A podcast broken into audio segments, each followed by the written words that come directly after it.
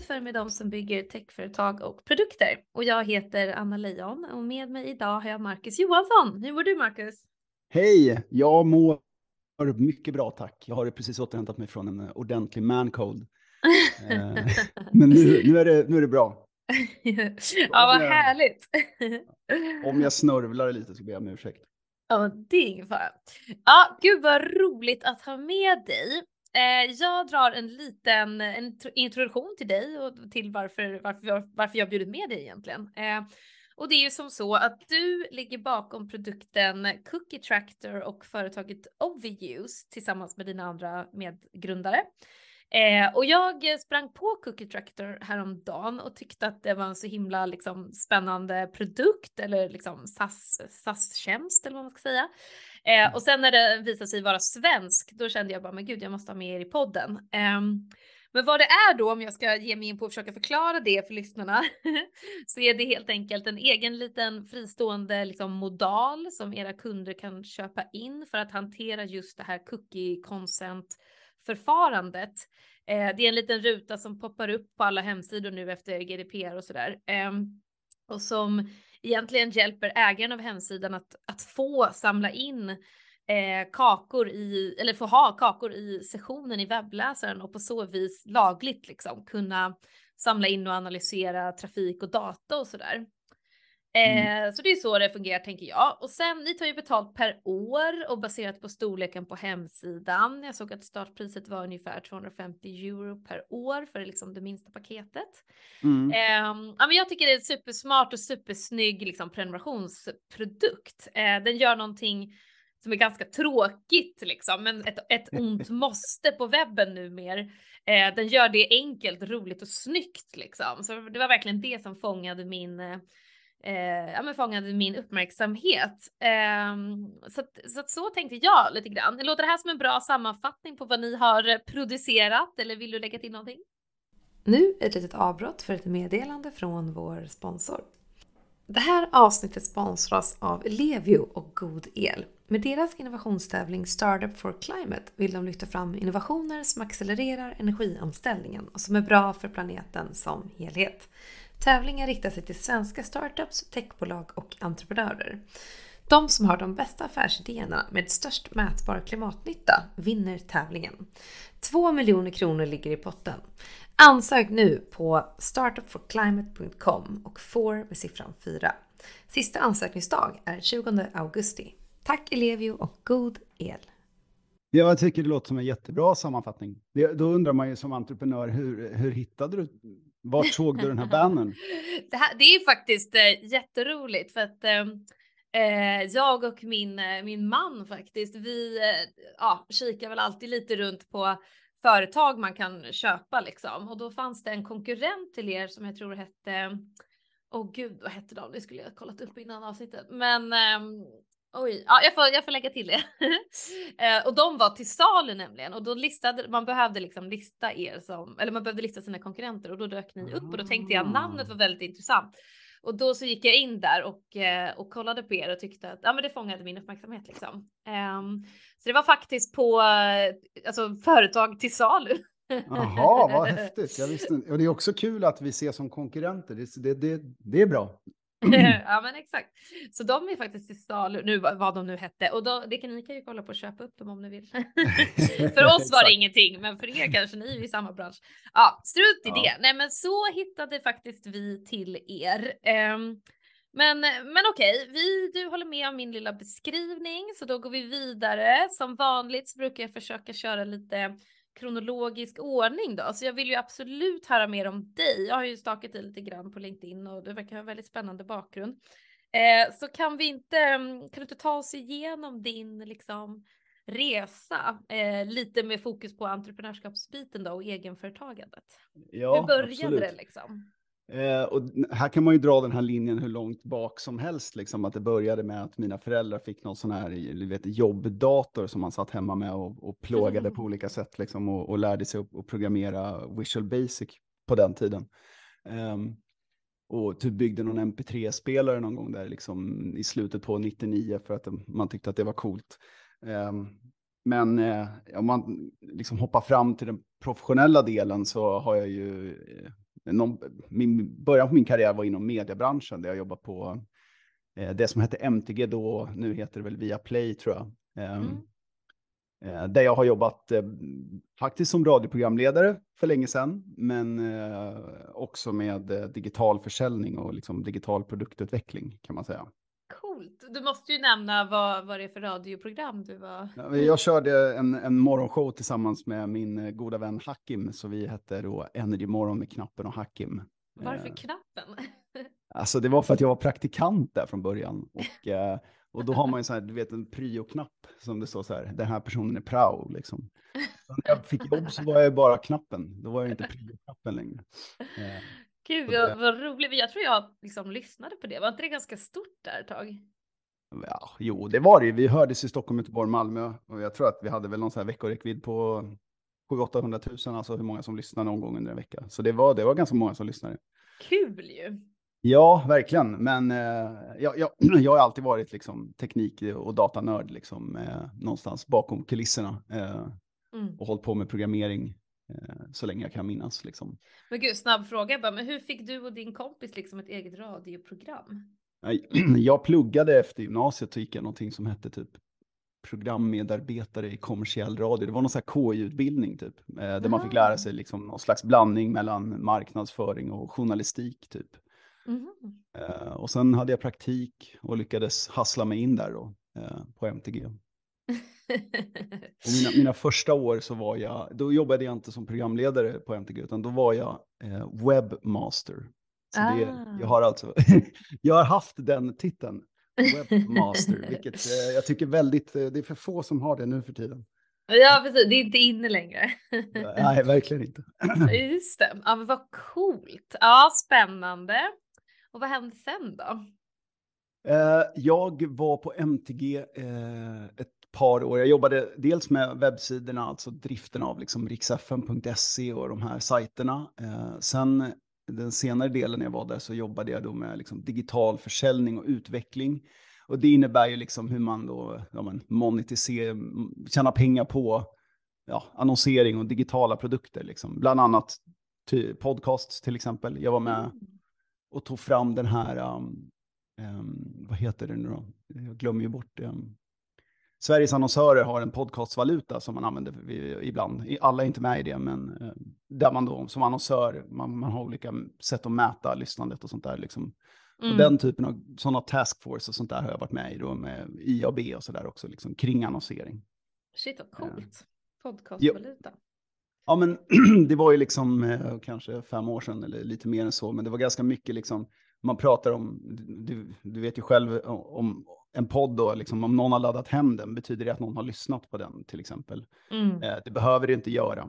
då, många, då om man är i en marknad där man ska sälja och en person säljer på att säga, ja men jag har eh, en miljon lyssnare, fast egentligen är det bara en miljon downloads. Det är inte en miljon personer som faktiskt har lyssnat. Och det, den typen av, hur ska vi värdera det här och hitta liksom en gemensam valuta som, som vi köper och mm. säljer? Liksom. Objektiv uh, liksom, ja, standardiserad. Ja, det, exakt, och det blir ju liksom rollen för Sveriges annonsörer var ju då att liksom vara någon slags mittemellan. Och då är, är det ju ett, ett visst antal personer från annonsörsidan och ett visst antal personer från eh, liksom media, medierna då, liksom. Mm. Eh, radiostationer och vad det nu kan vara. Just det, ja, men coolt. Ja, men det får jag spana in lite mer i detalj. Ja. Balt, aha, och vad hände sen då? Ja. eh, nej men sen så trött, eller inte tröttnade, jag kände väl att jag ville göra något nytt, något annat och jag blev överlockad till eh, mediebyråvärlden. Så jag har jobbat som eh, tv-planerare, heter det, man köper tv-reklam liksom, eh, och radioreklam. Så jag bytte liksom sida från att vara den som skulle försöka få mediebyråer och, och annonsörer att köpa eh, radio och, och eh, digital radio till att vara den som liksom sitter på andra sidan och köper och planerar och sådär. Så jag, där var jag i ungefär ett år innan jag hoppade på Obvious då, det jag är nu, eh, som mm. är eh, en, en webbyrå som mina kollegor drog igång några år innan. Eh, så jag fick frågan om jag ville joina och då kände jag att det var rätt tid i livet att, att ta det steget. Liksom. Mm. Coolt. Eh, Okej. Okay. Och sen så någonstans eh, började ni med Cookie Tractor eller? Ja, men ja, det kan man ju säga. Exakt. Men vi, vi är ju liksom en traditionell webbyrå. Vi är en ganska liten byrå. Vi kommer liksom ifrån en, eh, vi är flera stycken som är seniora här som har jobbat på större byråer, men som kanske liksom tycker om att ha här, nära kontakt med kunden, inte ha mm. eh, liksom projektledare och säljare och sånt där som gör, där det blir flera led i kommunikationen, utan vi vill liksom istället ha direktkontakt med våra kunder. Mm. Eh, och då eh, hoppade jag på det. Vi jobbade ju liksom med massa olika, vi har massa olika typer av kunder. Men då har ju det här dykt upp då sen, liksom GDPR och, och e-privacy directive och alla de här lagarna och reglerna som styr eh, det här med medgivande för cookies. Så att, liksom, det, mm. det, var ju någonting som bara dök upp. Det var ju ingenting man ville. Liksom. Vi, vi var väl egentligen emot det. Liksom. Man vill ju inte, Exakt. egentligen vill man ju inte behöva att ens besökare ska behöva få en, någon typ av eh, stor liksom, modal som du sa, det första uh. man ser. Liksom. Mm. Ehm, eh, så vi försökte väl ofta hitta olika sätt att komma runt det, men till slut så insåg vi att nej, men det här, vi måste ge oss på det här nu. Då började vi kolla på marknaden och liksom, vad ska vi välja för lösning? Eh, och kände liksom att så här, det är väldigt mycket utgångspunkt i teknik och juridik och liksom hela den grejen. Det var väldigt få som hade attackerat det problemet utifrån liksom besökarens perspektiv. Mm. Uh, och det var egentligen det som var vår ingångspunkt när vi började, att liksom, vi gör det så, vi ska se till att allt är rätt och riktigt liksom. Och mm. det ska vara fair play, man ska kunna som besökare välja om man vill bli trackad eller inte. Men låt oss göra det så enkelt det bara går och alltid ha fokus på besökaren liksom. Och, mm. uh, så, så det, det, var vår ingångspunkt och så tyckte vi att nej, men vi kommer nog kunna göra det här bättre än många andra då. Eh, och så började vi liksom på det klassiska naiva sättet att bara säga, ja men det kan inte vara så svårt. och sen, ja, det har du säkert hört från andra som varit med här, att liksom, man kanske underskattar ibland eh, utmaningen i det. Liksom. Men eh, det var så det började eh, och vi eh, började liksom ta fram produkten och, och ska väl inte säga att vi gjorde någon MVP på det sättet, men vi liksom eh, scoutade vad behöver den här produkten innehålla, hur ska den fungera och vad är lagkraven och så vidare. Liksom. Eh, och utifrån det så tog vi fram liksom den första versionen av, av vår, den här consent-bannern då. Mm. Ja, men jag fattar. Ja, men den är så snygg och jag håller verkligen med om att det var ingen som ja, men hade kund eller användarperspektivet liksom. Eh, av, det finns ju väldigt många konkurrenter, det är många som har förstått att liksom här, här går det att tjäna pengar. Allting som är så här, nya regler skapar ju så här disruption i marknaden där, där någon kommer fylla det, det tomrummet och serva liksom kunderna som behöver vara compliant, vilket är alla på webben nu liksom. Mm. Eh, eller såvida man vill, vill, vill liksom tracka eller kunna analysera liksom beteendet på ens hemsida, vilket mm. typ alla vill. Eh, så att där, vi, det är ju den rävsaxen liksom man är i. Men jag håller verkligen med om att eh, det blir så lätt att det blir så styltigt och tråkigt kring så här juridiska saker eh, och sådana här måsten liksom. Det är liksom era konkurrenter, jag, jag tycker de var jättetråkiga. Det, jag bara så här, går in på deras hemsida och typ somnar. Eh, men så har det inte varit när jag gått in på er hemsida. Då har jag känt så här bara shit, det här känns kul liksom. Men det är ju roligt att du säger det för att vi, eh, liksom vi, eh, vi hade verkligen den ingången i det också. Att vi ville göra, det finns till och med en feature i produkten som är så här, typ att man kan aktivera smileys, vilket kanske liksom legalt är lite av en gråzon då. Men, men liksom, det var verkligen det vi hade, att så här, göra det så lite tråkigt som det går. Då, liksom. Men det måste mm. fortfarande vara, följa, följa lagar och regler. Men, Exakt. Ja, mm. Så det är kul att uppmärksamma det på det sättet. Liksom. Ja men precis. Men sen innan vi går in eh, alldeles för djupt i Cookie Tractor. Jag såg på LinkedIn, du hade väl också ett eget företag, eh, vad heter den, media någonting. Eh... Ja, men, ja, exakt. Jag startade det när jag var yngre, liksom, för jag, jag satt hemma och, och, hjälpte folk att göra deras hemsidor och sånt där. Liksom. Och så, så... frilansade typ? Ja, exakt. Men oftast mm. var det ju liksom mot att man fick en eh, påse bullar eller liksom så här, du vet, det, det var, var liksom företagande. Betalt. Exakt, och jag, jag, visste inte vad moms var. Det här var ju när jag var 18-19. Liksom. Ah. Så tänkte jag så här att men om jag startar ett företag så blir jag ju tvungen. Liksom. Då kommer jag hamna i fängelse om jag inte sköter siffrorna. Och så, där. så då, då startade jag ett, um, en liten enskild firma då, som jag hade några år. Och sen konverterade jag, eller blev det ett aktiebolag. Ah. Uh, eller blev och blev, liksom bytte la ner firman och startade ett aktiebolag istället. Mm. Eh, så där har jag gjort lite side business liksom, genom åren, eh, mm. kan man väl säga.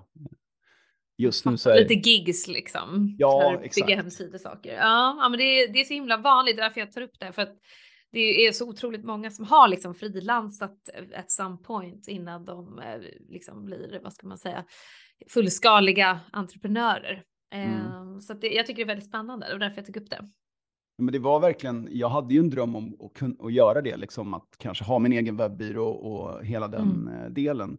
Och, och, då när jag fick frågan härifrån eh, Anders och Palle, mina kollegor på Obvious, att liksom ville haka på oss, då var det ju också lite ett tåg som var i rullning liksom, istället för att man ska behöva dra igång det själv och, ja men du vet, vad ska man mm. säga, någonstans riska, säga upp sig från jobbet och vad kommer det gå bra nu liksom? Jag har kunder första halvåret, men vad kommer hända sen och så där. Här var det ju mm. en ganska stabil business som jag hoppade på liksom. Ehm, mm.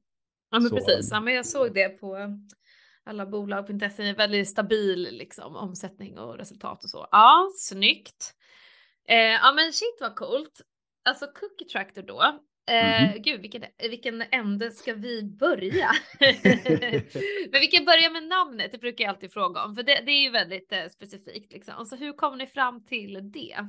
Ja, eh, det finns en story som som nästan gör att det känns som att det är oseriöst att berätta det. Men när jag började här på Obvious så eh, vi har en ganska stor vägg liksom, där vi sätter upp olika liksom, eh, mockups och skisser på projekt vi jobbar med och så där. Och då hade de eh, skisser, de hade tänkt att de skulle bygga ett eget projekthanteringssystem för att liksom, Obvious problem var så himla unikt att liksom, de behövde ett eget system. De kunde inte använda liksom, Trello eller något av de här befintliga.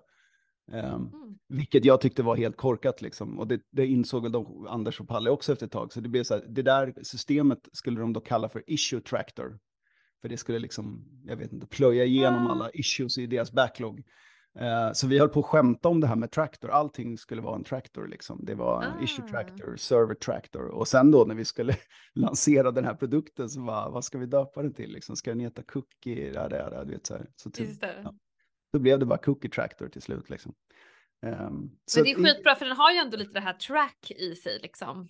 Ja, vi tänker att den liksom, våran traktor den plöjer igenom sajten och hittar alla cookies som du använder på något sätt. Liksom. Men det är skitbra. Det, jag tänker också lite på det här med epa-traktor. Det har varit så stående ja, skämt liksom nu i höst var det väl, att alltså, allting kan vara en epa-traktor. ja, vi, vi tajmade det bra här. exakt, exakt. Men hur går, alltså jag bara funderar på det här med traktor utomlands. Alltså på svenska går det ju jättebra. Ja. Men det kanske är jättebra utomlands också, jag vet inte. Bra fråga. Vi, vi har ju um vi, vi, jobbar väldigt mycket med ett eh, CMS som heter Umbraco som är ganska likt, eh, eller likt, nu kommer säkert folk höra av sig och vara sura, men liksom eh, någon slags bland, någon slags lite mer Enterprise-version av Wordpress, lite mer åt kanske Optimizely-hållet när man pratar om CMS-marknaden. Mm. Och eh, eh, vi, vi, har liksom byggt en plugin till det och så där så man får lite eh, synlighet genom det då, liksom att ja, de som använder Umbraco ser att ah, det finns något som heter Cookie Tractor, vad är det? Så ah. vi har några ah. internationella kunder, några danskar, mm. några på Irland, eh, någon i, i Portugal. Eh, så det, det, verkar funka, men det jag låter det vara osagt hur, hur bra det funkar internationellt. jag fattar. Och vad coolt. Så ni är en sån här tredjeparts liksom plugin på Umbraco, vad ska man säga, ekosystemet?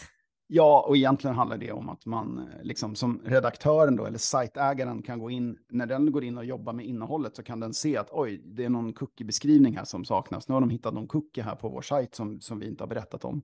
Så mm. den typen av liksom, att man, och sen kan man se lite konsentstatistik och så liksom. Så allt det som finns i den här pluginen finns ju i vårt verktyg också liksom.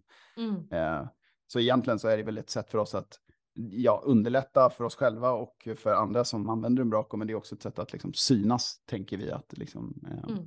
Och det är skitsmart. I den, i den alltså det, är, det är verkligen så otroligt eh, smart. Det finns ju så många liksom ekosystem där man kan liksom bygga plugins till och det känns som att det blir bara mer och mer populärt. Allt från så här, I don't know, bokföringssystem som Fortnox kan man ju liksom bygga, mm. vad ska man säga, utvecklar appar på eller vad man ska säga och så här Chrome, Wordpress, Shopify, alltså det är så här Mm. Det känns som att det, det, är verkligen trenden nu att det liksom blir e-, egna små levande ekosystem där entreprenörer verkligen, alltså små, små entreprenörer kan bygga skitcoola prenumerationstjänster liksom.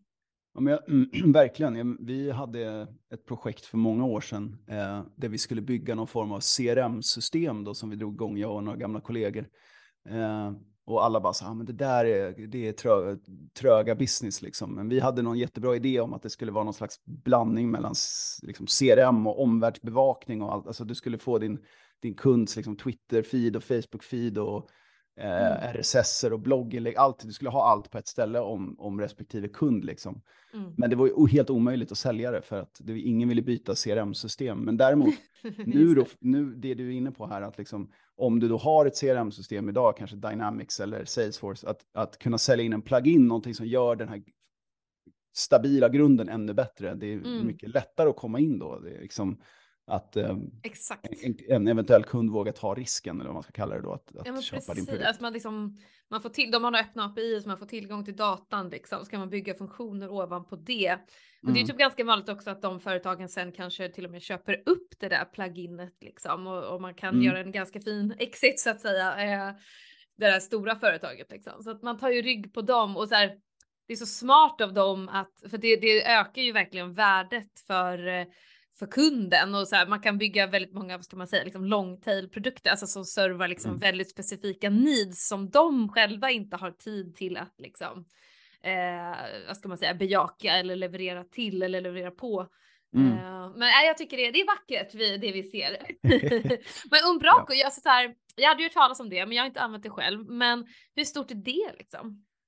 Uh, det, ja, hur stort är det? Jag tror att det, det, är väl någon miljon aktiva sajter, så det beror på vad man jämför med liksom, och vi, inom vilka vertikaler. Om man jämför med mm. Wordpress är ju en bra väldigt litet, men Wordpress är också mycket så här, någon form av, amen, det är samma sak här, nu kommer folk bli arga, men jag ser det lite som ett liksom något slags så här entusiastsystem. Liksom. Det finns väldigt många Wordpress-utvecklare, men det kanske inte finns väldigt många som är jätteduktiga på det. Uh, och Umbraco kanske är ett alternativ som man väljer om man kanske inte vill sitta och betala flera hundratusen i licenser, men man vill ändå liksom jobba med ett verktyg som, eh, ja, jag vet inte, är lite mer strukturerat och kanske likt om man är van vid och, eh, eh, Episerver eller Sitevision eller de här liksom, lite dyrare verktygen då liksom. Mm, fattar. Sa du att det var gratis för Umbraco eller om man hostar ja, själv? Men, ja, det är sant. Det är en open source lösning som ah. är, man kan hosta själv och då är det gratis liksom. Um, ah. Ja, coolt. Eh, ja, men, precis, men då är man ju i det ekosystemet liksom. Men vad, vad för typ av branscher använder oftast Umbraco då?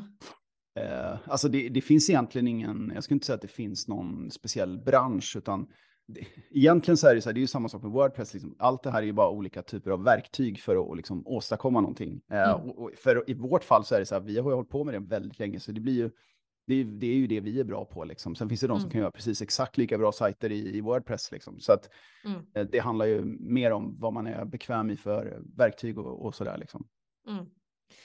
Men om jag förstår det rätt, jag är inte värsta utvecklaren själv här då, eh, som jag kanske, eh, kanske blir genomskinligt, men, men eh, alltså kan man använda Cookie Tractor utan att använda Umbraco då? Det ja, absolut. Vi, vi, är som du sa i början en, en SAS-tjänst, liksom. så det enda man, man gör är att man, man skapar ett konto hos oss eh, och det som den här tjänsten gör är egentligen tvådelat. Liksom. Den ena delen är det som du nämnde initialt, att liksom, vi samlar in medgivanden, för det måste mm. du ha. Så om du ska eh, sätta cookies i, eller liksom använda, det kan ju vara andra typer av eh, data som man sparar, det kan vara local storage, eller liksom, det finns mm. massa andra sätt att göra motsvarande grej. Liksom.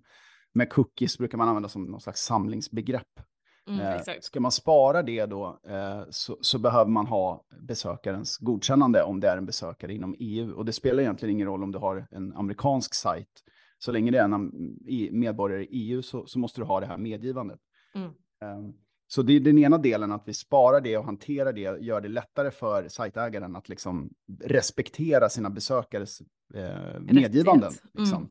Då säger du så här, jag vill inte ha marknadsföringscookies. Ja, men då, då får vi inte ladda in någon Facebook-pixel och vi får inte sätta någon Google Ads retargeting eller vad det nu kan vara. Då, mm. liksom. Um, och sen då så finns det massa andra sådana här krav att man ska kunna då, eh, eh, man ska spara de här medgivandena och man ska kunna visa upp dem om man får en fråga om liksom, jag har gett medgivande, vad har ni sparat ner kring det? Liksom. Så den är den ena delen. Och den mm. andra delen är att vi har en, liksom en crawler då som går in på sajten och letar igenom sajten efter vilka cookies den sätter. Så att när man skapar upp kontot så är det första som händer är att våran crawler går in på sajten, Eh, och eh, bara surfar igenom hela sajten och hittar alla cookies. Och sen har vi Mm. en databas med liksom, oftast brukar jag liksom 95 procent av alla cookies vi hittar har vi redan en beskrivning på. Så man behöver ju inte sitta och skriva liksom att ja, vi har Google Analytics GA-cookien här, eh, den Mm, gör det mm. här, vi har den här. Ja, det är ju standard liksom. Ja, utan eh, när, när vi, vi har de färdiga beskrivningarna för de absolut flesta liksom, och Så vanligaste här, LinkedIn verktygen. och Facebook och verkligen. Exakt, exakt. Mm. Och sen ser vi ju hela tiden också, så, ja, nu är det fyra stycken som har den här, vad är det för något? Och så sitter vi och jobbar med att löpande liksom, ha den här, uppdatera databasen. Liksom. Ah. Och, så, så man får liksom en sammanfattning av alla cookies man använder. Vi kategoriserar in dem i, liksom, är det här statistikcookie eller är det marknadsföringscookie och så vidare. Mm. Eh, och, Ja, jag fattar. För jag tänker också att eh, det här kanske också är någonting som behöver underhållas kontinuerligt. För på större företag så, eh, ja men så här, utvecklarna kanske liksom implementerar någon funktion som använder sig av cookies, men då kanske de liksom inte, ja, han- det kanske de implementerar utan att eh, uppdatera cookie consent-modalen så att säga. exakt, exakt. Eh, så att då, man måste liksom, man kanske inte alltid har koll, eh, den som är inköpare eller den som, den som styr över cookie consent-modalen kanske inte har dialog med alla utvecklare på hela företaget och inte vet vad de gör liksom. Så det är lite den också att man så här uh, fact check, checkar sig själv liksom kontinuerligt. Ja, exakt. Och, och den här crawlen då, det kan man ju beroende på vad man väljer för typ av eh, erbjudande hos oss. Men som standard så, så kommer vi crawla sajten var 30 dag då, och skicka en rapport och säga att ja, men vi har inte hittat något nytt, allt ser bra ut. Eller så säger vi ja, vi hittade tre nya cookies, men vi har redan beskrivningar på dem, så du behöver inte göra något. Det är redan publicerat och klart. Eller så Mm. kan det vara att ja, vi hittade tre här som, du, som vi inte vet något om. Du måste du göra nå- gå in och beskriva dem här. Exakt, och nu använder, ni har börjat använda posthog eller något så här, uh, fan vet jag, hotjar eller någonting. Nej, men exakt. Ja, Hotjar tror jag vi har, så i det fallet hade den, eh, eller jag vet att vi har det, men i det fallet hade den bara sagt vi hittade en Hotjar cookie och den ligger i din cookie-beskrivning nu. Liksom. Men det hade varit, inkluderar den i din cookie consent-modal liksom. exakt. Ja. Ehm, så, så Ja, För det där är lite så här tradigt, eh, ja men kontinuerligt arbete som behöver göras liksom hela tiden. Mm. Men det är väldigt, väldigt, eh, vi- alltså vi har kommit in i det där ganska mycket så man märker man att, som du säger också, att det är tråkigt det här, det är supertråkigt att hålla på med och det är egentligen ingen som vill ja, ha liksom ansvaret för det och hålla Nej. koll på cookiebannen liksom. Exakt. Men, men det är också någonting som är rätt viktigt liksom, när det handlar om att, ehm, ja men jag tycker det är, ju mer jag har hållit på med det här, ju mer pro är jag liksom hela grejen, att man ska få bestämma själv liksom, Mm. som besökare, att men jag vill inte att du ska hålla på och marknadsföra Eh, om jag är inne och kollar på några konstiga produkter, liksom, eller vad det nu kan vara. Liksom. Jag vill inte ha någon Mm. retargeting-pixlar nu. Då, och att man respekterar det och låter besökaren bestämma. Liksom. Mm. Eh, och då är det viktigt att man som företag har koll, liksom lite det du beskriver där, att utvecklarna gör något, någon annan gör något och så är det någon marknadsföringsperson som bara lägger in lite skript och sådär. Ja. Eh, hej, hej vilt liksom. Ja, men eh, så, så vårt verktyg hjälper ju till med det, liksom. men samtidigt Mm. tror jag att det är ganska viktigt att man börjar tänka och ta det på allvar liksom, redan innan, att det inte är en eftertanke, utan att det faktiskt är någonting som man eh, prioriterar, eh, ja, har en process för helt enkelt. Ja men exakt, ja, men det, för man vill det ska ju liksom vara trevligt att vara utvecklare på ett företag också liksom. Ja, ja, att visst, ha en så här absolut. trevlig utvecklingsmiljö liksom så att man inte känner att man eh, blir hindrad av, eh, av cookie liksom, eh, förfarandet helt enkelt och måste tänka på det hela tiden och, och anpassa sig efter det för då sker, sker, liksom, sköter ni det ganska automatiskt eller väldigt automatiskt låter det ju som. Ja, Eh, absolut. I så det jävligt coolt alltså. I, det, i, de, i, de, I de flesta fall är det ju väldigt automatiskt. Liksom. Mm. Ja, gud, jag är så imponerad. Eh, men jag har ju också, jag har ju varit inne i det här träsket själv. Jag liksom har ju en del hemsidor, väldigt små hemsidor. Jag såg ju på er pris, vad var det? Fem, eh, 500 undersidor eller något sånt där ingick i er första liksom, prisnivå, eller var det något sånt? Ja, 5 5000 under, upp till 5000 Ja, just det, upp till 5000. Jag kände bara så här, jag har typ tre sidor på en av mina.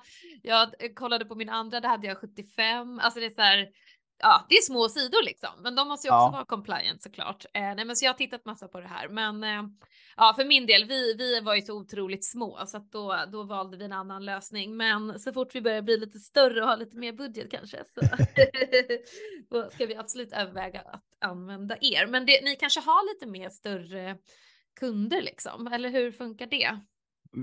det, det, det där är ju lite, lite intressant när det gäller liksom att, att ta fram produkter och, och den typen av grejer. Att man, eh, det är väldigt oftast ganska enkelt, i alla fall för mig är det ju det som har liksom så ja, jag kan programmera min egen produkt. Så, men, men sen att få någon att köpa den är ju liksom, det är ju det svåra kan jag tycka. Ja, eh, eh, I vårt fall hade vi en ganska bra kundbas först med våra egna kunder, där vi kunde liksom prova det här och bara, ja, vi håller på med den här grejen, vill ni, vill ni haka på och testa det? Liksom.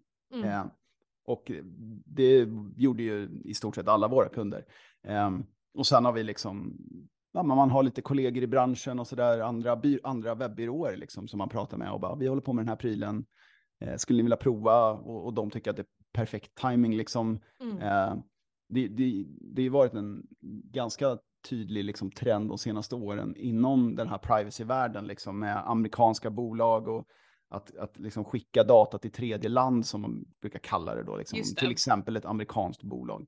Så mm. för vissa kunder är det superviktigt det här att liksom allt ska stanna inom EU och då, då är det mm. en fördel för oss att vi eh, har vår infrastruktur i Sverige och att eh, liksom, vi kan erbjuda liksom, en CDN-lösning som bara är inom Europa och så där. Så vi har verkligen lagt fokus på att kunna möta den typen av, mm. ja, men, vad ska man säga, Efterfrågan, väldigt, ja. väldigt krävande kund då liksom. Mm. Eh, ja men det där har jag sett ja. också. Det, det är ju liksom det finns ju till och med amerikanska bolag som bara inte orkar ha europeiska kunder för då måste de liksom implementera ja. och uppdatera och hålla koll på cookie-grejer för att det här liksom regelverket i EU tycker väl de är så himla jobbigt så här. Och det är ju tvärtom också att eh, ja, men, europeiska kunder de har ju också de här lagkraven på sig och många mm. som du säger måste eller vill. Alltså det kan antingen vara ett företagsbeslut eller så är det liksom branschpraxis eller så är det massa andra saker som gör att så här, det måste vara inom EU eller kanske till och med inom Sverige. All datalagring liksom eh, mm. för att kunna fronta det. Ja, men säkerhetsaspekten, myndighet, alltså det kan ju vara alla möjliga banker, alltså sån här typ av jätte, jättekänslig och jätteviktig data eh, mm. som man inte vill skicka iväg till USA liksom. Eh, och där, då har man ju, då har ju ni en unik fördel. Jag såg det, det var väl, det kunde man betala extra för att ha en för när jag kollade på er hemsida, att liksom verkligen eh, få Ja, men om, man, om man vill ha den här hängslen och livremlösningen, liksom, där, eh, där CDN är inom EU, så, så har vi den som en liksom, tilläggsprodukt. Ja. Eh, så man kan liksom lite grann plocka ihop utifrån eh, ja, vad man har för behov och, och hur man själv det, tolkar vad man behöver göra. Liksom. För att ja, vissa exakt. tolkar det på ett, annat, på ett sätt och andra tolkar det på ett annat sätt. Och ibland finns det inte heller vägledande domar och sådär. Så att det, ja, det är lite ibland av en gråzon. Liksom. Man får försöka tänka ja, så på ett schysst sätt. Hur, vad, vad är rimligt? Och liksom. Ja men exakt, det där det är verkligen alltså, upp till, alltså allt, alla juridiska texter är ju liksom tolkningsfrågor eller upp, öppna för tolkning helt enkelt. Mm. Eh, och många företag tolkar det på olika sätt. Jag var inne och kollade på typ, men jag så här, man försöker kolla på liksom stora företag och se om, vad de gör. Jag kollade typ på Shopify och där var det de, deras cookie funkade så att liksom eh, godkänner man ingenting, eller så här, de, nej, de, de säger typ så här, Eh, om, du, om du är här så godkänner du per automatik att vi får tracka dig liksom. Mm. och det är ju lite fult, alltså så, så är det ju inte liksom egentligen formulerat som jag tolkar det i alla fall. Men... Nej, det, det är ju, om det är en, en, person från EU som besöker den så är det olagligt, det bryter ju mot eh, Och det är ju så här eh, Shopify liksom, de är ja. hur stora som helst. Ja, visst. Det finns ju väldigt många som, som ännu inte har liksom kanske kommit upp eh, och, och, fått ordning på det. Och det finns ju också vissa som kanske tycker att det är värt att utmana, alltså att det mm. kan vara värt att chansa. Liksom. Ehm. Exakt, exakt. För det är så här, de har väl inte riktigt fått upp någon liksom ska man, alltså jag vet inte vad jag ska kalla det för, revision eller vad man kallar det för. Liksom att eh, de har väl inte riktigt någon, någon koll eller system för att verkligen följa upp det här. Eller har du hört talas om något sånt? Jag vet inte. Det har varit så otroligt få domar också inom det. Ja, nej men det, det, så är det ju liksom. Och det som någonstans som var en anledning till att vi ville dra igång det här var ju också liksom att i och med att det här är juridiskt och det är krångligt och så vidare så blir det ofta att ja, men då är det juristen som får sista säg i det här och så ligger mm. den här cookie-bannen, ja men då ska den ligga kvar för det ska vara lika enkelt att dra tillbaka sitt medgivande. Vilket kan vara liksom, det, det är en juridisk tolkning av vad det innebär, om den ska ligga kvar på skärmen hela tiden. Besökaren bryr sig absolut inte om det. det ju, har den tryckt mm. på jag godkänner alla cookies, då kommer det ju vara i stort sett ingen som trycker upp den igen och säger förresten, jag ska bara ha statistik. liksom.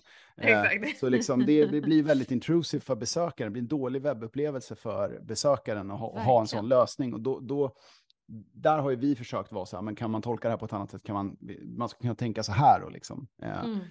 eh, att, att driva liksom användarupplevelsen i, i hela den här.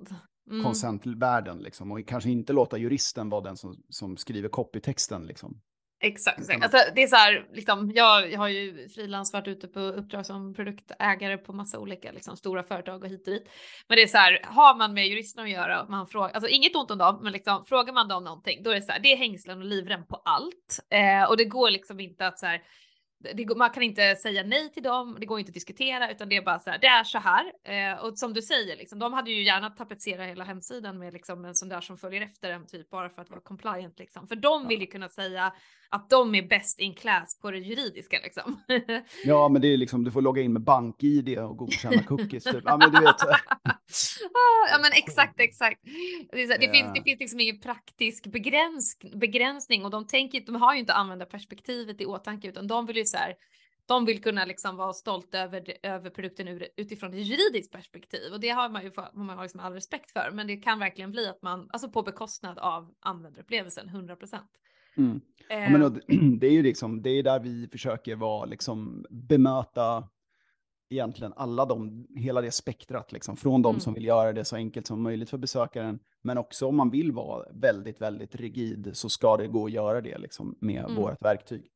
Ja men exakt. Ja, men jag, ja, jag gillar det. Det är så smart också att eh, attackera en sån här, göra en sån här tråkig grej lite roligare och liksom ta bort den. Det är så många företag som jag tror känner att så här, gud vad skönt att bara outsourca det där så bara slipper vi tänka på det. Det är någon annan som har koll på det, det sköts sig automatiskt, vi bara betalar så får vi liksom fokusera på vår riktiga produkt så att säga liksom. För det är ju ingen som ja, ni har ju det här som produkt såklart, men det är ingen annan som har, det är ingen del av deras produkt. Det är ingen som känner att de, de vill vara compliant eh, och de vill liksom att det ska se snyggt ut. Och sen, sen är det viktigare med liksom att presentera deras egna produkt på hemsidan så att säga.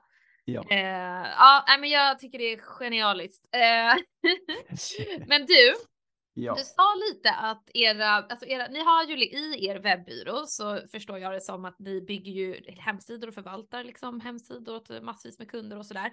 Och de, de såklart överlappar ju med liksom cookie tractor då som du nämnde. Där Mm. det är ju lätt att sälja, eller lätt, men det är väl, det är väl liksom ganska straightforward att sälja in cookie tractor till dem liksom. Men vi pratade lite, vi har touchat lite på det här med att sälja in det även till andra mer fristående kunder som kanske bara vill köpa in just den här delen liksom. Kan Ja. du inte prata lite om det och hur det fungerar och så? Jo men absolut, eh, där har vi ju liksom, eh, man får ju någonstans testa sig fram, som jag nämnde förut med den här pluginen har ju drivit en del, eh, en och annan direktkund, men det är ofta så att eh, slutkunden, den som äger webbsidan, har oftast någon emellan. Det kan vara, det beror ju på storleken på företaget då, men det kan vara antingen en, någon form av juristbyrå eller liksom dataskyddsexperter. Mm. Eh, eller så kan det vara en annan webbyrå ofta. Liksom. Eh, det faller ofta på att webbyrån, eftersom det, det är ju en del tekniska saker, de ska ju snack, snacka med varandra. Liksom. Så webbyrån måste ju vara inblandad. Eh, eh, om man inte har väldigt mycket kompetens inhouse. Liksom. Så vi har ju märkt att det, för oss funkar det väldigt bra med partnerskap, liksom, där vi eh, eh, onboardar en, en annan byrå så att de eh, kan erbjuda våran produkt till sina kunder. Mm. Och så hjälper vi dem liksom och utbildar dem i, i hur verktyget funkar, hur reglerna funkar och så vidare.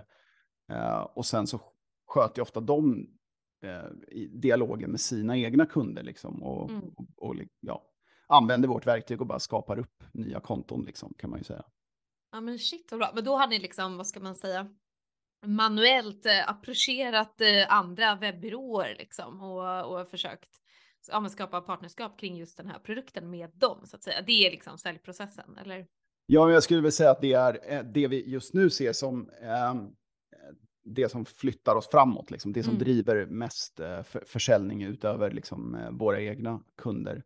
Och eh, det blir ju liksom en annan skala också. Man tänker sig att man skulle jobba direkt mot en slutkund så har man, ska man ha någon form av möte med dem och du vet så här. Ja. I det här, eh, om vi jobbar mot en byrå så blir de som en förlängd försäljningskanal nästan kan man ju säga. Liksom. Mm. Men återförsäljare liksom. De har ju säkert eh, 10, 20, alltså jättemånga kanske. Eh, Exakt. Kunder. Så det blir ju lättare för oss att och liksom eh, ha dem som, de kan svara på frågor också, de kan systemet och så vidare, de kan ha relationer med sina kunder. Så Och det kanske faktiskt är en, förlåt, men liksom skönare kund också att ha en dialog med liksom. För att det, ja men de är ju tech alltså kunniga såklart då liksom. Eh, kanske liksom en mer tacksam kund att ha, jag vet inte.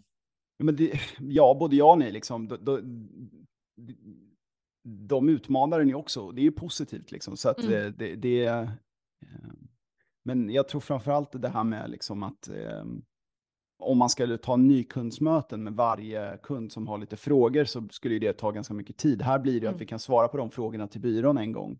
Ja. Och sen kan byrån svara på dem till sina kunder om, om samma frågor dyker upp. Liksom. Exakt. Uh, så vi, ja, men det, det, ser ut att vara ett, ett, bra sätt. Sen vi vet inte, vi har inte riktigt något facit liksom, utan det har mm. funkat bra hittills.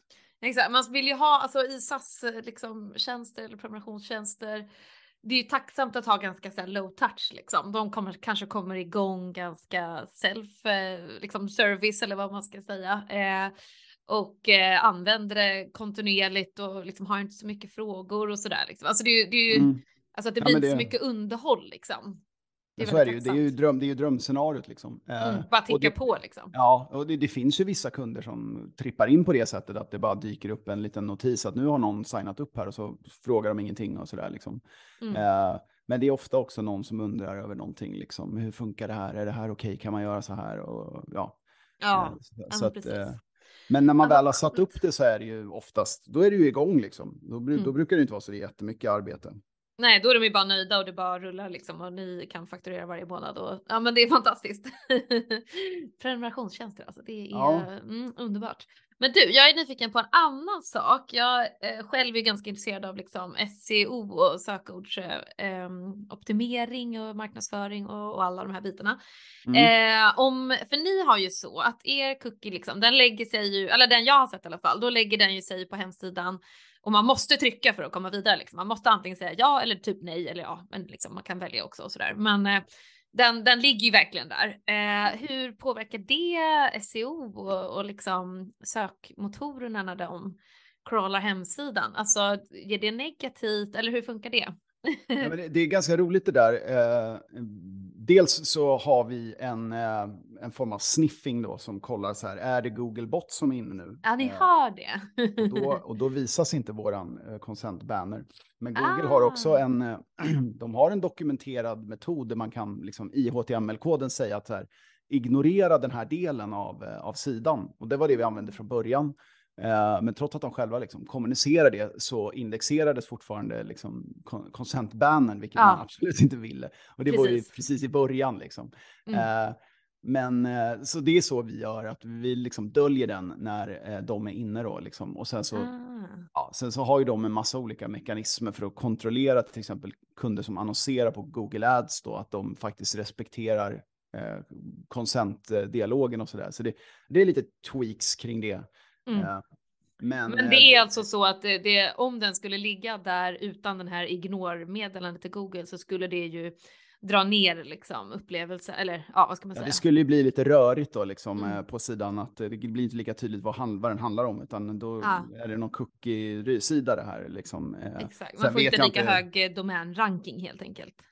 Ehm, ja, men jag tänker snarare att själva innehållet på sidan blir otydligt i och med att den här mm. cookie-bannen ligger där hela tiden. Sen gissar jag att Google eh, på något vänster borde kunna förstå att eh, så här, ja, men det är samma innehåll på alla sidor och det här är en, en eh, någon form av cookie-banner då liksom. Eh, mm.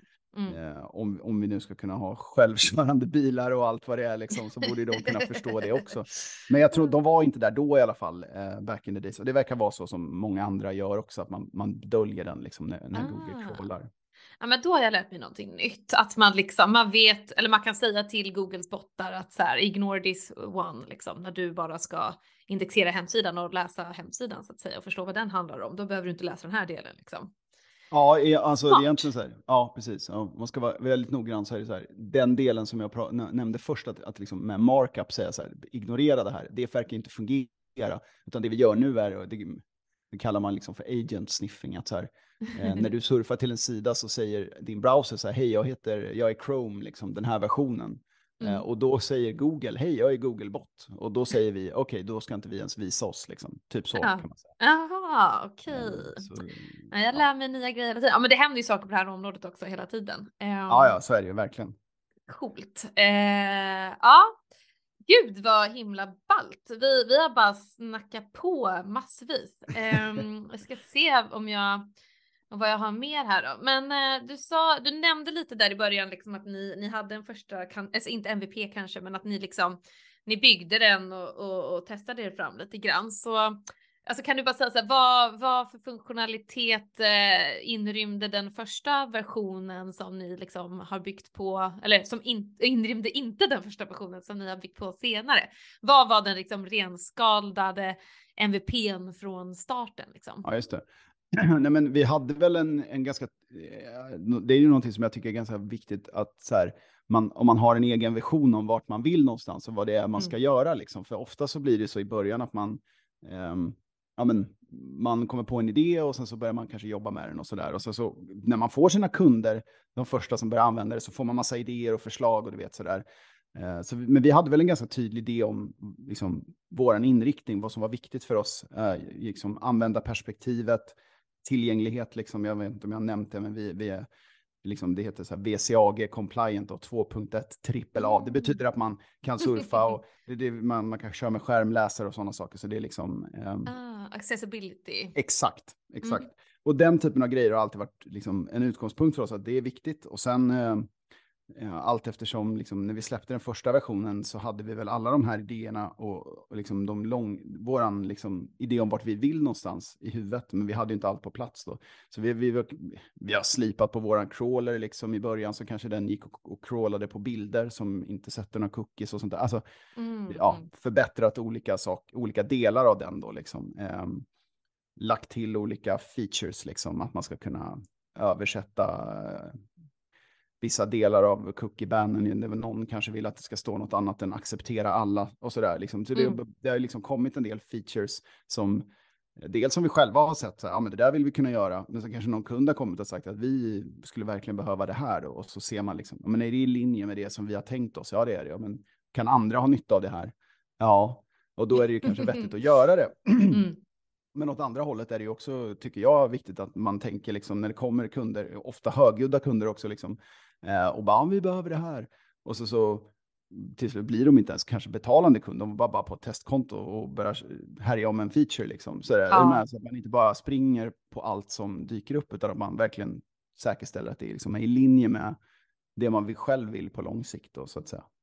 Alltså verkligen, ja, men det där stångas ju jag med hela tiden i alla produkter jag bygger. Liksom, att så här, Ja, men det är, så här, det är nästan bättre att säga nej till de där högljudda kunderna och behålla sin core-publik liksom och vara sann till sin nisch så att man inte liksom det, det bästa man nästan kan göra tycker jag, det är att liksom ha en väldigt tydlig nisch eh, och hålla sig till den och serva den mm. eh, och ha den i åtanke som du säger som en vision liksom hela tiden. Så fort man börjar bli, bli för spretig, alltså det ökar ju liksom komplexiteten i produkten, vilken har en negativ effekt på upplevelsen och, och på de andra featuresna. För den, den skär ju liksom uppmärksamhet av andra features som kanske är bättre och liksom förtjänar mer plats. Alltså det, det där har jag verkligen så här börjat tänka på ju mer jag jobbar med det här. Um... Ja, men jag tycker det kan vara svårt ibland också, för det är så här, ja, men i den situationen man är, att ja, vi har en produkt, man vill sälja den. Det är någon som står och säger så här, jag vill köpa den, men vi behöver det här. Alltså, det, det mm. kan vara ganska tufft att, att säga nej, men det är helt klart en, en liksom, vettig, liksom, eh, vad ska man säga, att våga kunna göra det ibland och, mm. och veta då att men, vi ska åt det här hållet, det kommer funka ändå. Liksom. Ja men exakt, exakt. Mm. Ja, det, det, är väldigt lätt att bara böja sig för alla kunder. Men det, det, negativa, till slut hamnar man ju i att man bara har en typ eh, konsultlåda då. Liksom. Då har du ingen produkt utan då är allting super nischat för varje enskild kund och det blir jättedyrt liksom med, med mm. onboarding och allt vad det är liksom. Så att så här, vill man ha en alltså vill man ha en, är man en konsultlåda då är ju det fine liksom. Men vill man ha en produkt då ska man så här, ja men som du sa liksom features ska ändå gå att använda av fler. Någonstans där måste man ju försäkra sig eh, om innan man börjar bygga någonting. Ja, ja men verkligen. Och men sen ska jag ju säga att jag tycker inte att det har varit särskilt mycket av det i, i i det här eh, projektet så har vi det är väldigt mycket av det som vi har fått in idéer på, liksom, som vi själva har känt att men det här ska vi göra någon gång i framtiden. Sen kanske det har legat lite längre ner i backloggen och så har man fått prioritera om lite bara och, för att liksom visa framfötterna. Eh, men det, vissa andra typer av projekt så, så kan jag gissa att det, det kan vara liksom ett större problem eh, att liksom navigera. Ja men alltså det är så helt så här out of the blue idéer som bara oj herregud. Eh, lite så här taget på sängen men det här har jag aldrig ens tänkt på. Okej, okay, eh, du vill gå på den här, den här jätteslingriga krokiga vägen hit bort liksom. Ja, ja men verkligen.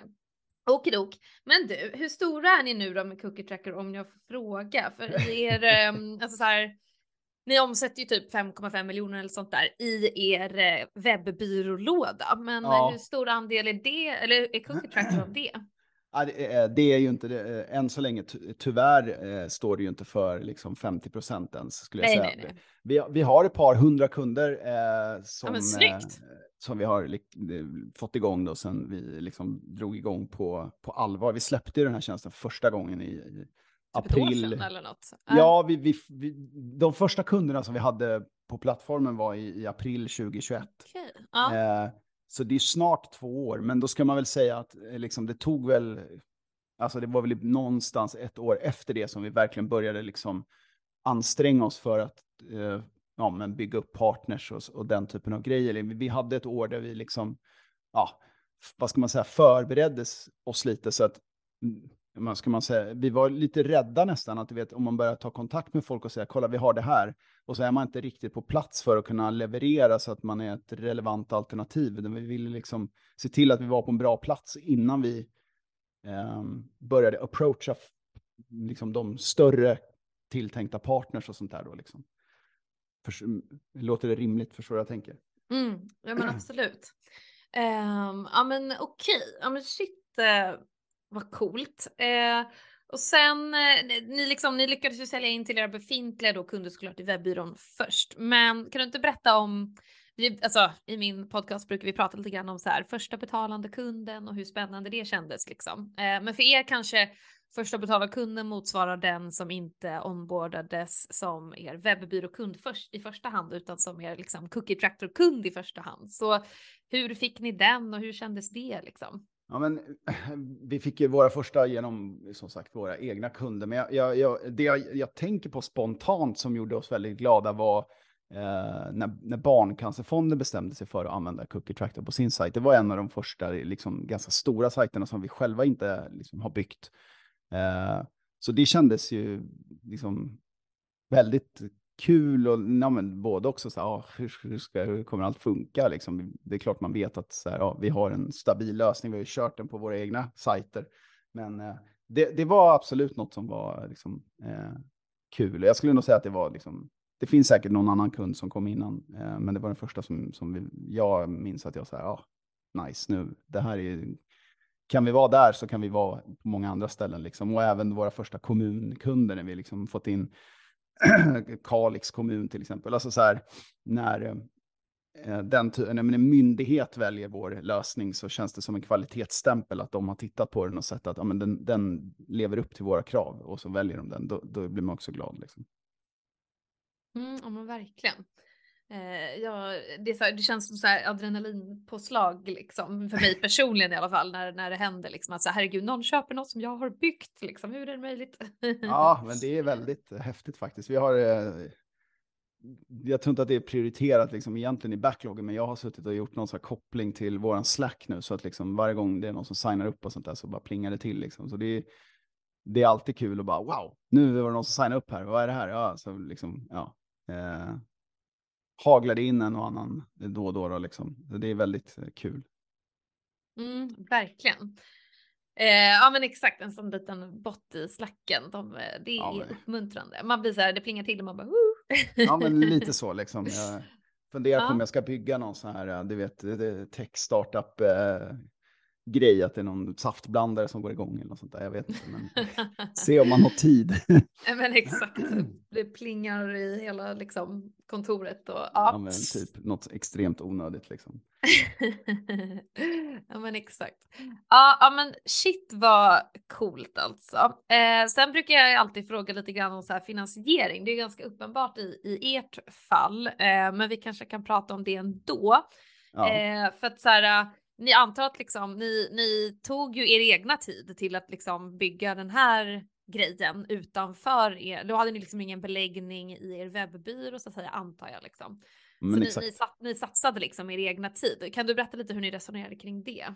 vi hade ju, det är ju verkligen så när man eh, jobbar med, eh, som konsult, liksom, att ibland så dyker in eh, tre projekt som man ska driva samtidigt, liksom, och så får man jobba som en galning, och ibland så sitter man och, och det, det, är väldigt lugnt. Liksom. Um, vi har ju väldigt mycket förvaltning åt våra kunder och sådär, så men, men det finns alltid tid över där vi kan jobba med andra saker, och, och vi har, vill ju verkligen ha en ehm, en egen produkt. Eh, så det var ju perfekt för oss att eh, ja, den där våren där 2021 så var det ganska lugnt. Eh, och då, ehm, då, då la vi liksom tid på att sätta grunden och sådär. Och sen så har vi lyckats än så länge väldigt bra med att liksom balansera så att vi verkligen lägger tid på att utveckla produkten och sälja och, och sådär. Eh, samtidigt som vi har våra byråkunder.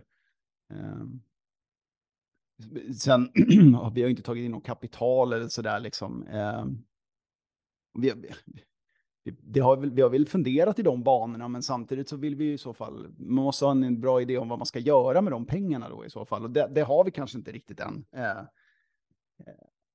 Eh, eh så, att, eh, mm. ja, nej, det, det, är så vi har liksom valt att eh, finansiera det liksom genom att vi, mm. ja, men vi lägger vår egen tid och sen såklart får man köpa in då, liksom, juristhjälp och den typen av liksom, expertis. Eh, samma sak med liksom, eh, eh accessibility och sådana saker, göra någon audit på det och sådär. Liksom. Men eh, i stora delar så kan vi kan göra väldigt mycket av det som behöver göras själva. Liksom. Mm. Ja, men exakt. Ja, men jag är väldigt intresserad av det här indie hacker upplägget liksom. Eh, att, man, eh, men att man finansierar sin egen eh, start helt enkelt och egentligen så långt det går. För när, liksom, när jag pratar med, med både investerare och företag som tagit in investerare så säger de ju att liksom, vänta så länge som det går för att liksom, du vill ha så mycket proof of concept som möjligt. Du vill inte ge bort, du måste ju ge bort en andel av ditt företag för att få in kapital. Det säger ju sig självt liksom. Ja. eh, och att kunna bygga någonting själv i, i egen låda, det är ju den som ger allra mest liksom bang for the buck down the road eh, helt, det går ju inte att jämföra liksom eh, med, med att ta in kapital. Så att så här, det är av den anledningen också, det är liksom en motiveringsfaktor. Och sen känner jag också lite så här med liksom kontinuerlig eh, rapportering och sånt där. Så fort man tar in liksom eh, externt kapital så blir det en helt annan kanske styrning och, och rapport, rapport. Kanske man måste liksom prata, ha möte med dem en gång i månaden, en gång i veckan. Jag vet inte liksom. Mm -hmm. eh, och det är lite det jag ville komma ifrån i alla fall när jag blev egen från första början. Att så här, jag kan bestämma själv vad jag vill ha för rapportstruktur och vad, varför jag ska lägga min tid på och vad jag prioriterar, vad jag tycker är kul liksom här och nu. Eh, så att det är så här, lite det jag ville ducka liksom. Så, så bara, ja. nu sätter jag mig där i knät igen liksom med en så här, ja, eh, någon som bestämmer lite och har någonting att säga om, om det jag gör. Så att så här, det, det är lite av en livsstil kanske, jag vet inte. Eller vad skulle du säga? Eh, jo, men jag tycker det låter som det harmoniserar rätt bra med hur vi tänker också. Det var ju också en del i liksom, när den här byrån föddes, liksom, så det kom utifrån någon slags frustration över att någon annan ska lova en kund att ja, men det är någon inget ont om projektledare, det behövs och de är fantastiska. Men det kan vara rätt frustrerande om man är tekniker eller liksom utvecklare och det, det är någon eh, projektledare som lovar en kund någonting och sen ska det vara klart ett visst datum och så får man jobba eh, liksom som en galning för att nå upp till det och för att någon som kanske inte riktigt förstår vad de har lovat lovar något. Liksom. Och det blir lite samma grej här, att komma till att ha kontrollen själv och bestämma själv och veta själv att ja, men om vi lovar det här, då är det Dels är det ju så här, vi får jobba som galningar, men vi får ju, vi får ju något för det liksom. Och det är inte så att vi kan skylla på någon annan att den lovade att vi skulle lösa problemet, utan ja, man styr mycket själv över um, sin tid liksom på det sättet. Och det, det, det, vill vi väl såklart ha med oss in i Cookie Tractor också. Um, mm. Men jag tycker mm. också, men utmaningen är ju så här, hade vi vetat att så här, okay, om vi skulle få in 10 miljoner uh, så kan vi sälja hur mycket som helst om vi gör på det här sättet. Vi har testat liksom att uh, trycka på marknadsföring på det här sättet och det funkar och, och det har en bra ROI. Liksom. Då skulle man ju kunna överväga det som ett sätt att växa liksom, snabbare. Mm. Men vi har ju en kapital så vi skulle kunna göra en hel del sådana saker själva. Liksom. Eh, mm. Och det är väl Men egentligen, exakt. skulle jag tro, så här, vår nästa stora utmaning. Nu har vi en produkt som funkar och som liksom gör det den ska, så nu är det bara att se gasa till att, på. Ja, men gasa på och sen saker som kommer med att växa, liksom, att se till att, ja, men, att hantera den här skalan liksom, med mm. miljontals medgivanden som ska sparas någonstans och helst inte försvinna liksom och sådär och se till att vara uppe hela tiden och sådana saker liksom.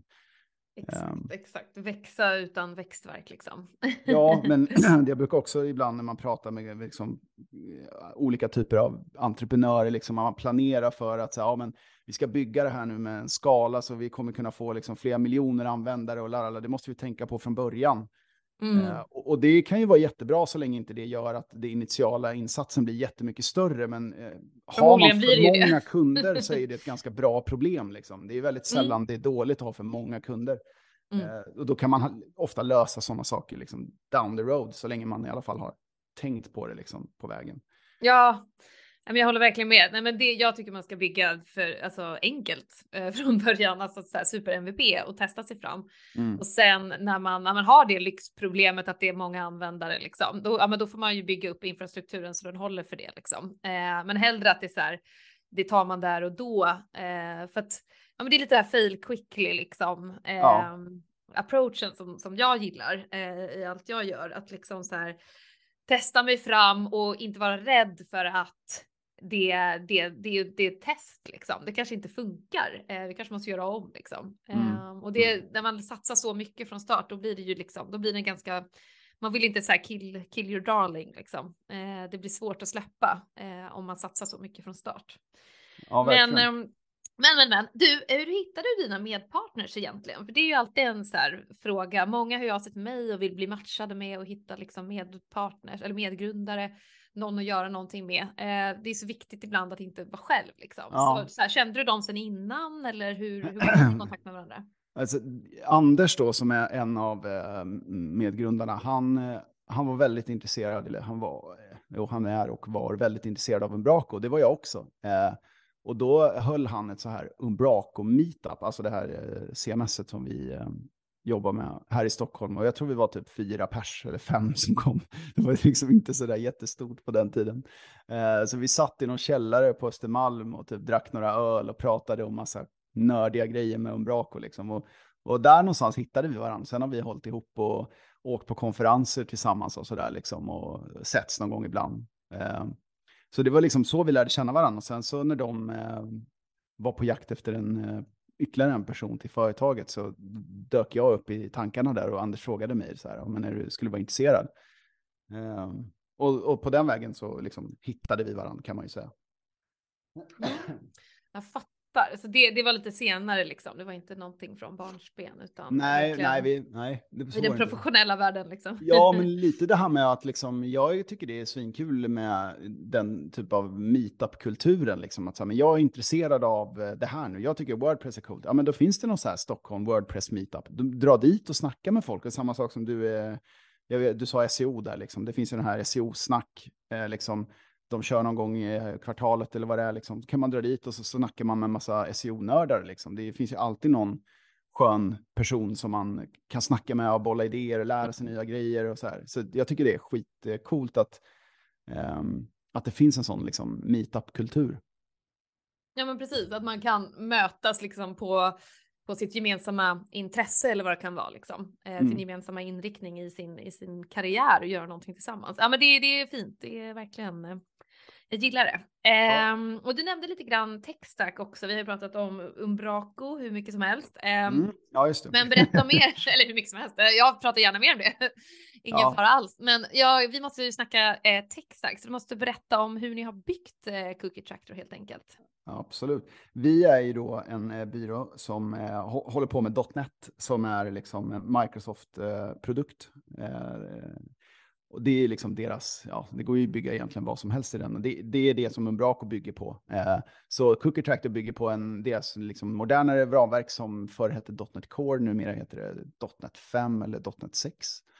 Eh, så det är liksom, eh, programmeringsspråket heter då C-sharp. Så använder man ju liksom JavaScript och sådär på frontend och HTML och som det alltid har varit liksom.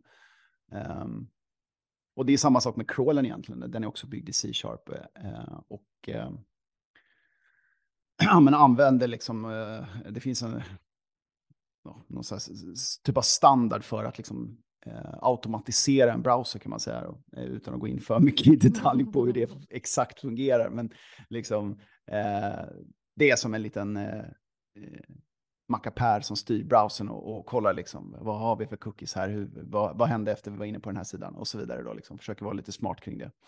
Mm. Uh, och sen har vi, uh, ja men vi använder SQL Server som är Microsofts databas uh, och så, sådär. Och det kan man väl egentligen säga mycket handlar om att så här, vi har en, ja, 90 procent eller om inte mer av, av, av, alla lösningar vi gör bygger på SQL Server. Mm. Sen har ju vi kanske en tanke om att på sikt så skulle man kunna bryta ut vissa delar och lagra på andra sätt och sådär. Liksom. Men eh, lite för att komma tillbaka till det som vi var inne på nyss här, att liksom börja med det som vi är trygga i och som vi, mm. vet, vi vet hur vi tar våra backuper och vi vet hur vi ser till att saker inte försvinner. Du vet sådär, istället för att hoppa på någon så här eh, trendig liksom, eh, dokumentdatabas eller något sånt där som man inte riktigt mm. har järnkoll på. Liksom. Så det är, vi har valt det som vi är trygga i. Liksom. Mm. Ja men man, ofta, alltså det blir ju ofta så liksom. Men har ni, använder ni Azure då också eller?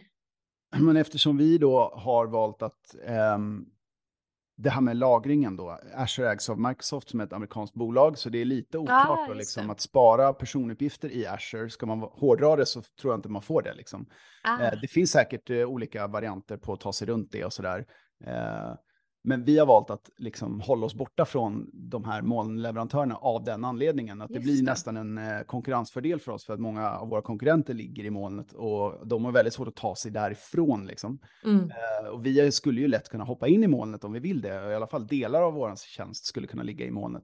Mm. Eh, så att, just nu har vi inte det. Men mm. vi använder olika liksom, CDN-lösningar istället som gör att liksom belastningen på våran infrastruktur blir ganska liten. Är, vi skickar ju egentligen bara små JavaScript-filer, det är väldigt lite information. Liksom. Mm. Uh, så rent tekniskt så uh, har vi inte uh, en molnlösning på det sättet. Eller den ligger ju i molnet, men det här molnet är ett moln i Sverige. Liksom. lokalt moln. Ah, lokalt moln, okej. Okay. Ja, Ja, ja mm, spännande. Jag inte fattar 100 procent, men okej. Okay, ja. Inga egna servar, servrar alltså? Nej, nej, nej, utan vi hyr ju infrastrukturen av, av eh, liksom, eh, ja, svenska moln. Svenska molnleverantörer eller liksom tjänsteleverantörer ah. som ser till att saker funkar. Liksom. Mm. Så vi mm. har ingen låda som står här på kontoret liksom. Och snurrar. Eh, nej, jag fattar. Nej, Nej det, det är i, lite old school kanske. Ja, ja. I, ja men i, i, princip så är det ju en molnlösning, bara det att det inte är just eh, en av de här stora aktörerna för att det innebär den här typen av liksom potentiellt juridiska utmaningar, vilket inte alltid behöver göra. Men mm. vi har valt att göra så för att slippa det helt och hållet. Liksom. Det blir inte ens en diskussion när vi pratar med de kunderna som, där det är ett krav eller är viktigt. Då, liksom. Mm, ja men exakt. Ja, fan vad snyggt. Nej men precis, vi nämnde ju det. Det är lite av en, eller det är en konkurrensfördel inom den här nischen så det är ju skitsmart alltså. Eh, gud vad grymt. Just det, och sen nu eh, mitt så här fisk, guldfiskminne. Men jag, nu kommer jag på vad de här, eh, det här företaget hette. De hette Consento.io. det är företaget Consento. som var till salu. Till salu eh, som var kolla om vi ska köpa upp dem då. Ja men gör det. ja, de kanske inte ens är till salu längre, vad vet jag. Men, nej, men vi, vi kollar kontinuerligt på företag som är till salu. Liksom, bara och då dök de upp där och sen dök ni upp och så och därför är vi här. jag brukar liksom kolla, jag har också varit inne någon gång, men det brukar bara hitta till typ så här Blocket och så är det någon korvkiosk i Karlskrona typ som man kan köpa. Så känns det lite så här, ah, det var inte det jag tänkte mig liksom. Exakt, nej men det finns techbolag eh, eh, till salu där. De, de omsatte ju liksom, vad det var, om det var några hundratusen eller så. Alltså att det är så här, mm. de är små mm. liksom, men det är mm. helt klart värt att liksom kanske kolla på. Ja, ja men strunt i det. Nej men så hittade ja. vi till er. ja, men vad ehm, kul. Ja, eh, ja men shit vad grymt. Ja, gud, vi har snackat ganska länge och jag har liksom bara eh, så här ställt jättemånga jobbiga frågor. Eh, hoppas att det känns bra. Ja, det, det, är jättelugnt. Det känns skitbra. Men fan vad bra. Eh, men du, vad, vi börjar runda av lite grann då, men eh, kan du inte berätta lite om ni har liksom varit med om det behöver inte bara ha med Cookie Tractor att göra, men liksom eh, för andra som också vill bygga egna techprodukter och så. Eh, om ni har några kris kriser eller misstag, lärdomar som ni eller som du vill dela med dig av till oss som också liksom vill, eh, vill bygga själv. Mm. Jag, jag nämnde det lite innan, men det är någonting som jag så här, jag har ju då gjort vi har inte pratat om alla grejer, men jag har gjort liksom, eh, jag drev en webbshop 2007 som höll på med dropshipping och grejer. Eh, mm. Startade den här CRM-grejen. Sen kom jag på innan, eh, Foodora och allt det här dök upp och, och hybrid så att man skulle kunna skicka ogram då. Så att liksom om man är lite sent ute och ens polare fyller år så kan man gå in och bara skicka ett ogram och få liksom lite ballonger levererade eller kanske någon chokladlåda liksom. Mm. Um, alla de här grejerna har en sak gemensamt och det är liksom att man bygg, vi byggde upp en produkt som ingen jävel ville ha. Liksom. Eh, det är väl liksom en stor lärdom i det här liksom, uh, och som alla säger hela tiden, men det är väldigt viktigt att liksom, det är inte så himla, det är inte jättesvårt att ta fram en produkt eller en idé, men det är svårt att få någon att köpa den. Så det är egentligen där, liksom, man ska inte mm. underskatta den delen. Liksom. Jag brukar ibland säga liksom, att utifrån vad jag ser så som 20 procent av arbetet är att ta fram produkten, resten är att få någon att köpa det. Liksom. Mm. Så man får ett perspektiv på att det, man måste lägga väldigt mycket av sin energi där. Liksom. Och det är, där är det också vettigt om man är en techperson som jag, liksom, att ha en person som kan, eh, är bra på relationer och kanske kan försäljning eller har något kontaktnät. Liksom, att man tänker på det så att man inte bara sitter sig i en källare och bygger något. Liksom. Sen kan det säkert funka ibland också såklart. Men mm. eh, Mm. I vårt fall har det varit väldigt värdefullt också att vi hade ett, ett gäng liksom partners som vi känner ganska bra som kom in tidigt och var med tidigt och kom med feedback och liksom att vi kunde utveckla produkten tillsammans med dem och att de kände så ja men det här är ju exakt vad vi behöver liksom. Och, ja. och, då säljer de det till sina kunder och sen så dyker det upp en tredje partner som bara ja men det här är ju perfekt och då har de då har vi fått hjälp av våra kund, de första kunderna att liksom ja hitta rätt liksom mm. i, i produkten. Så det tror ja, jag men exakt. Alltså jag håller verkligen med och det är så här, speciellt när det är så när liksom mjukvara är så lättillgängligt så att säga eh, och alla vill bygga egna grejer och alla sitter med sitt lilla hobbyprojekt eh, vid sidan av. Då blir ju nästan säljet den unika kompetensen i det hela liksom. Men, det är, här, det, är faktiskt, det som är make faktiskt. it or break it liksom. Det är inte att alla, alltså, det är här, nu låter jag ju väldigt raljerande här, men liksom, det är ganska lätt att bygga en bra produkt. Eh, Nej, men jag tror jag håller, jag håller med dig. Jag håller med dig om det. Det finns väldigt många utvecklare och det finns liksom, det är inte svårt att komma på idéer. Det är ju väldigt lätt att bli Excel-miljonär liksom. Ja. Men, men sen, ska du, sen ska du ut och, och, och, träffa kunderna och liksom få till de där mötena och få dem att testa och allt vad det nu kan vara. Liksom. Mm. Uh. Ja, precis. Och jag brukar också säga att här, din, liksom, din idé från första början måste inkludera sälj, marknadsföring. Den, den kan liksom inte vara någonting som du löser sen längre fram, utan det är så här, du ska ha tänkt igenom det också. Det är en del av din ursprungsplan, din ursprungspitch liksom. För mm. lirar inte de delarna så ska du typ inte sätta igång med produkten heller. Alltså så, så tråkig är jag liksom. Men det, mm. det är det bitter, bittra liksom läxan jag har lärt mig men, genom men att också ha testat massa. Nej, men det är nog sant. Alltså, och det blir så här, du säger du har testat det några gånger och, och man hör det och jag har hört det där också. Men ändå har man gjort det där misstaget. Så det kanske är så att man måste göra det och bara inse till slut att jag orkar inte bygga en grej till som inte flyger nu. Liksom. Man, må, ja, man får bränna sig någon gång innan man liksom lär sig att okej, okay, vi tar det lite lugnt då och börjar med liksom liksom, och se till att det finns en marknad för det vi försöker göra. Ja, men jag till exempel, jag snackade med en snubbe häromdagen som jag försöker få med i podden, men han verkar inte vara så lättflörtad. Men i alla fall, det, han, han sa en grej som var så här, stannade med mig och det var att han sa eh, att han bygger bara produkter där, där ingen köper AdWords. För hans strategi är liksom att eh, alltså bara köra, köpa AdWords och bara liksom så här skeppa produkter hela tiden. Mm. Eh, så då, hans strategi är liksom uttänkt och han utgår från den innan så här, och då kommer han på idéer att göra liksom. Mm. så det tycker jag var ganska smart. Så att eh, det är verkligen att gå liksom ur marknads och säljperspektivet. Ta, ta den liksom först, lösa den först. Sen kan du bygga vad fan som helst liksom, bara du har det på plats liksom. Jo, men jag, jag tror verkligen att det, jag tror verkligen att man har nytta av att lägga mer tid där än vad man liksom traditionellt gör. Liksom man behöver mm. ha en tanke om det. Man, man kan ju liksom bolla, det, man har man har läst massa olika sådana här, du vet, så gör en startup liksom. Det var någon, eh, någonstans jag läste att man skapar landningssidan och så liksom eh, skisser på produkten och allting liksom. Bara gör det så att det här är en riktig produkt, men det finns ingen produkt, utan när mm. folk signar upp så står det bara, ja, ah, grymt att du vill ha ett konto, vi hör av oss när vi är klara. Exakt. Vi tar din mejladress liksom. Uh. liksom. Sen kan jag ju tycka att det är lite black hat på ett sätt, men själva idén av är ju ändå att så här, finns det en marknad för det här, då, men då gör vi det istället för att göra det och sen upptäcka att nej, det fanns ingen marknad för det. Liksom.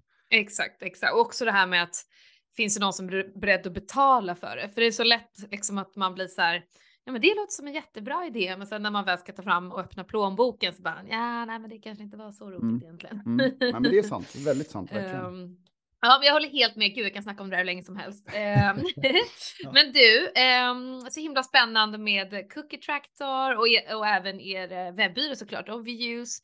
Men eh, har, du, har ni några så nya features eller vad är er vision långsiktigt liksom? Vad, vad har ni i Äh. kikan framöver som är spännande att dela med sig av?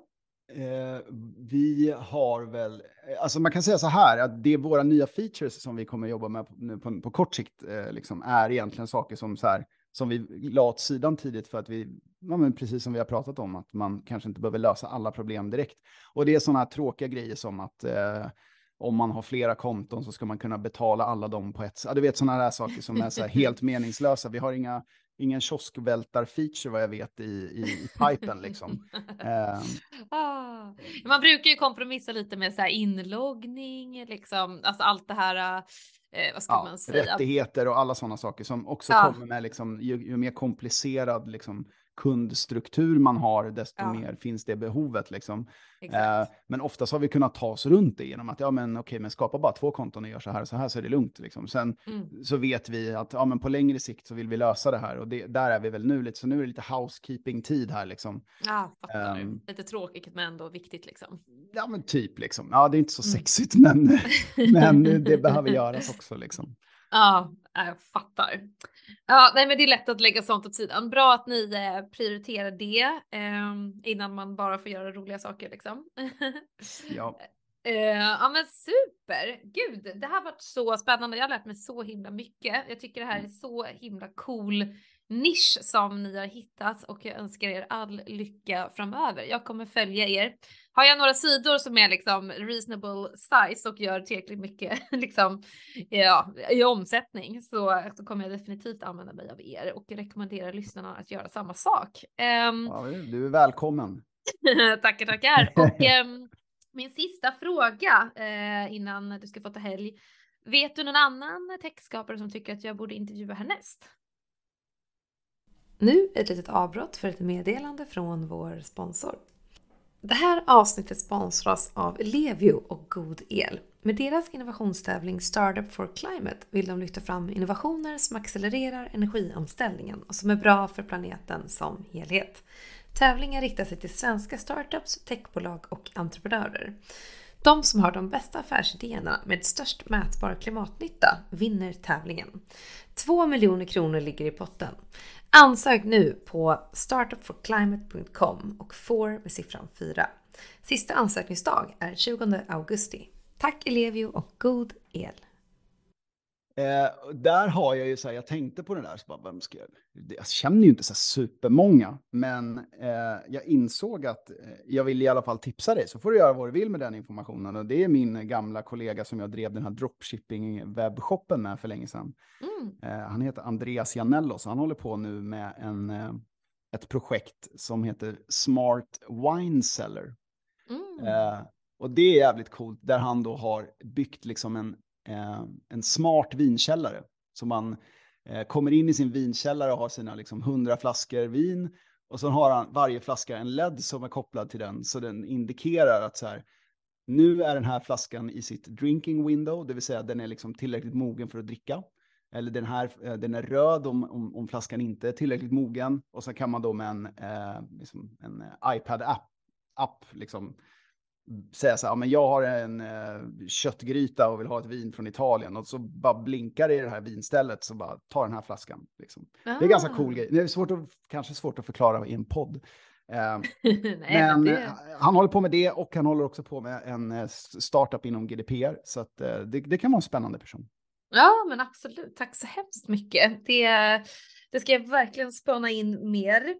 Men gud vad grymt Marcus! Eh, så kul att eh, ni ville vara med från Cookie Tractor och eh, vi måste ju också uppmana lyssnare såklart att eh, prenumerera på podden.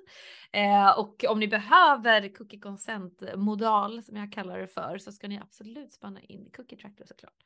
Eh, super! Ja, men tack så hemskt mycket! Tack själv, det har varit jättetrevligt det här.